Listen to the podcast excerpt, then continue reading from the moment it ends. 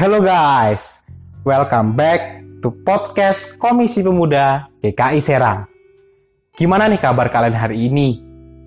Mungkin sebagian besar dari kita lagi ngerasa bosen ya, karena kita lagi menjalankan social distancing. Tapi guys, di tengah kebosanan kita, ada nih satu hal yang gak boleh kita bosenin. Apa itu? Ya tentu dong, mendengarkan firman Tuhan. Untuk itu, saat ini aku mau mengajak teman-teman semua, yuk kita dengerin firman Tuhan bareng-bareng. Tapi sebelum kita mau mendengarkan firman Tuhan, aku mau mengajak kalian semua untuk kita bersatu hati dalam doa supaya Roh Kudus akan menyertai kita dalam proses kita mendengarkan firman Tuhan. Mari kita berdoa. Tuhan, Sang Sumber Rahmat kami, terima kasih atas berkat yang boleh masih kami rasakan hingga saat ini. Ya Tuhan, kiranya sebentar lagi kami akan mendengarkan firman-Mu. Kiranya Engkau berkati dan urapi kami, agar kami semua dapat mendengarkan firman-Mu dengan baik, mencernanya, dan dapat melaksanakannya dalam kehidupan kami sehari-hari. Ya Tuhan, kiranya roh-Mu hadir di tengah-tengah kami saat ini. Demi Kristus yang hidup, kami telah berdoa. Amin. Jadi guys, firman Tuhan yang akan kita dengarkan pada hari ini itu terambil dari ulangan pasal 28 ayatnya yang kedua. Kitab ulangan pasal 28 ayat 2. Demikian firman Tuhan. Segala berkat ini akan datang kepadamu dan menjadi bagianmu jika engkau mendengarkan suara Tuhan Allahmu Demikianlah firman Tuhan, berbahagialah ia yang mendengarkan, merenungkan, dan menjalankan firman Tuhan dalam kehidupan sehari-hari. Haleluya. Guys, aku mau nanya nih. Kita sebagai orang muda pasti pernah lah ya yang namanya nongki ataupun kumpul-kumpul. Ya entah mau nongki di gereja, entah mau nongki di rumah, di kafe, ya di mana pun itu yang namanya nongki atau kumpul-kumpul setidaknya sekali dua kali kita pernah ngelakuin lah ya. Nah, biasanya nih kalau kita lagi nongki, lagi kumpul-kumpul sama teman-teman, kita ceritakan panjang lebar dari utara ke selatan, dari timur ke barat, semua bisa kita ceritain. Tapi pernah nggak sih kalian tuh ngerasain ketika kak, kalian lagi cerita sama teman-teman kalian, terus tiba-tiba ada orang yang lewat entah itu cewek entah cowok, terus dia itu punya penampilan yang menarik.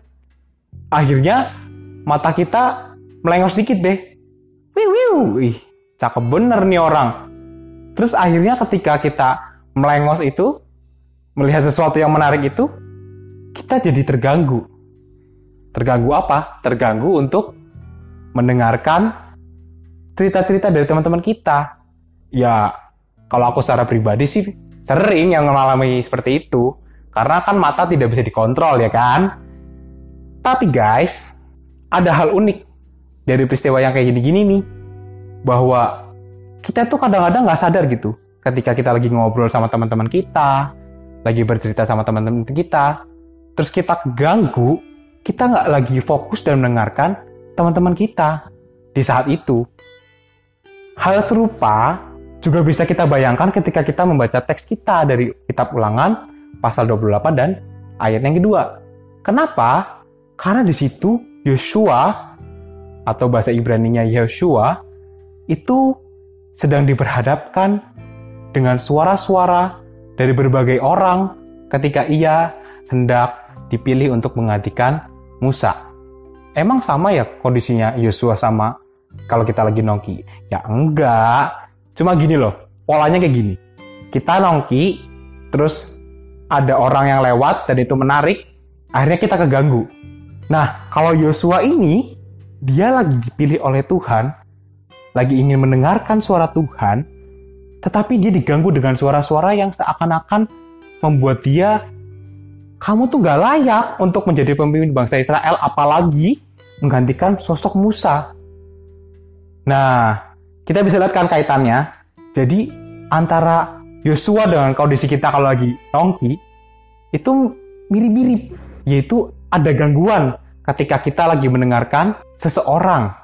Bedanya, Yosua ini lagi sedang mendengarkan suara Tuhan, tapi dia diganggu oleh suara-suara yang terkesan, kamu tuh gak layak. Kamu tuh tidak pantas untuk menjadi pengganti Musa.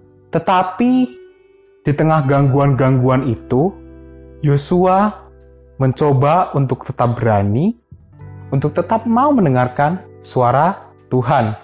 Untuk apa? Untuk menjadi pemimpin bangsa Israel menggantikan Musa. Nah guys, kita bisa lihat sekarang ketika Yosua mau benar-benar untuk mendengarkan firman Tuhan, mendengarkan suara Tuhan, justru dia dibantu oleh Tuhan itu sendiri. Dia dipimpin oleh Tuhan untuk apa? Untuk memimpin sebuah bangsa yang sangat besar, bangsa Israel. Yang akhirnya apa?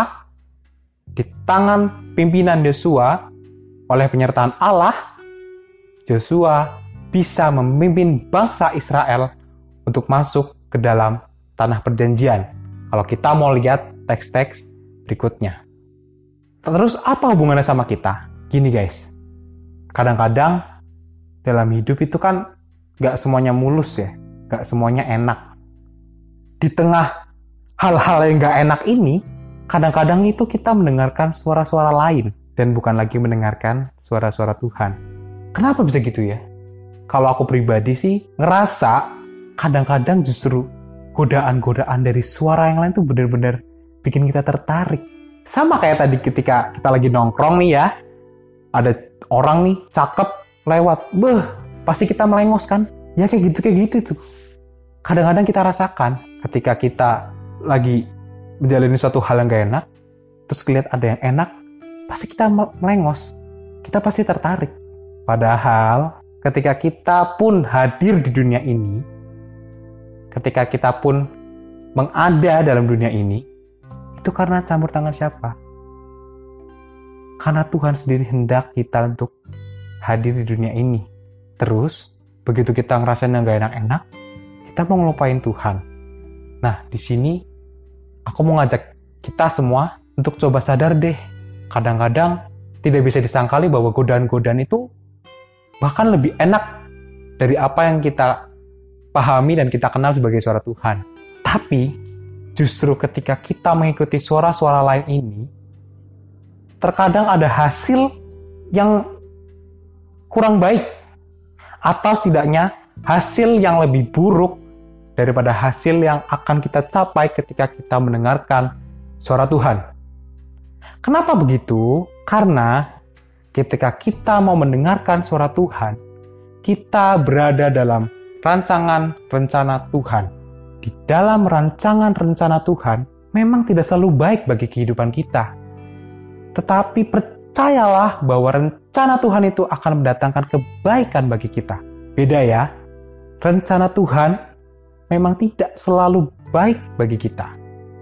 Tetapi rencana Tuhan selalu akan mendatangkan kebaikan bagi kita. Kita bisa belajar dari teks kita pada hari ini di mana Yosua yang tetap mau mendengarkan suara Tuhan itu pada akhirnya bisa mendapatkan hasil yang benar-benar mungkin di luar ekspektasi. Karena apa?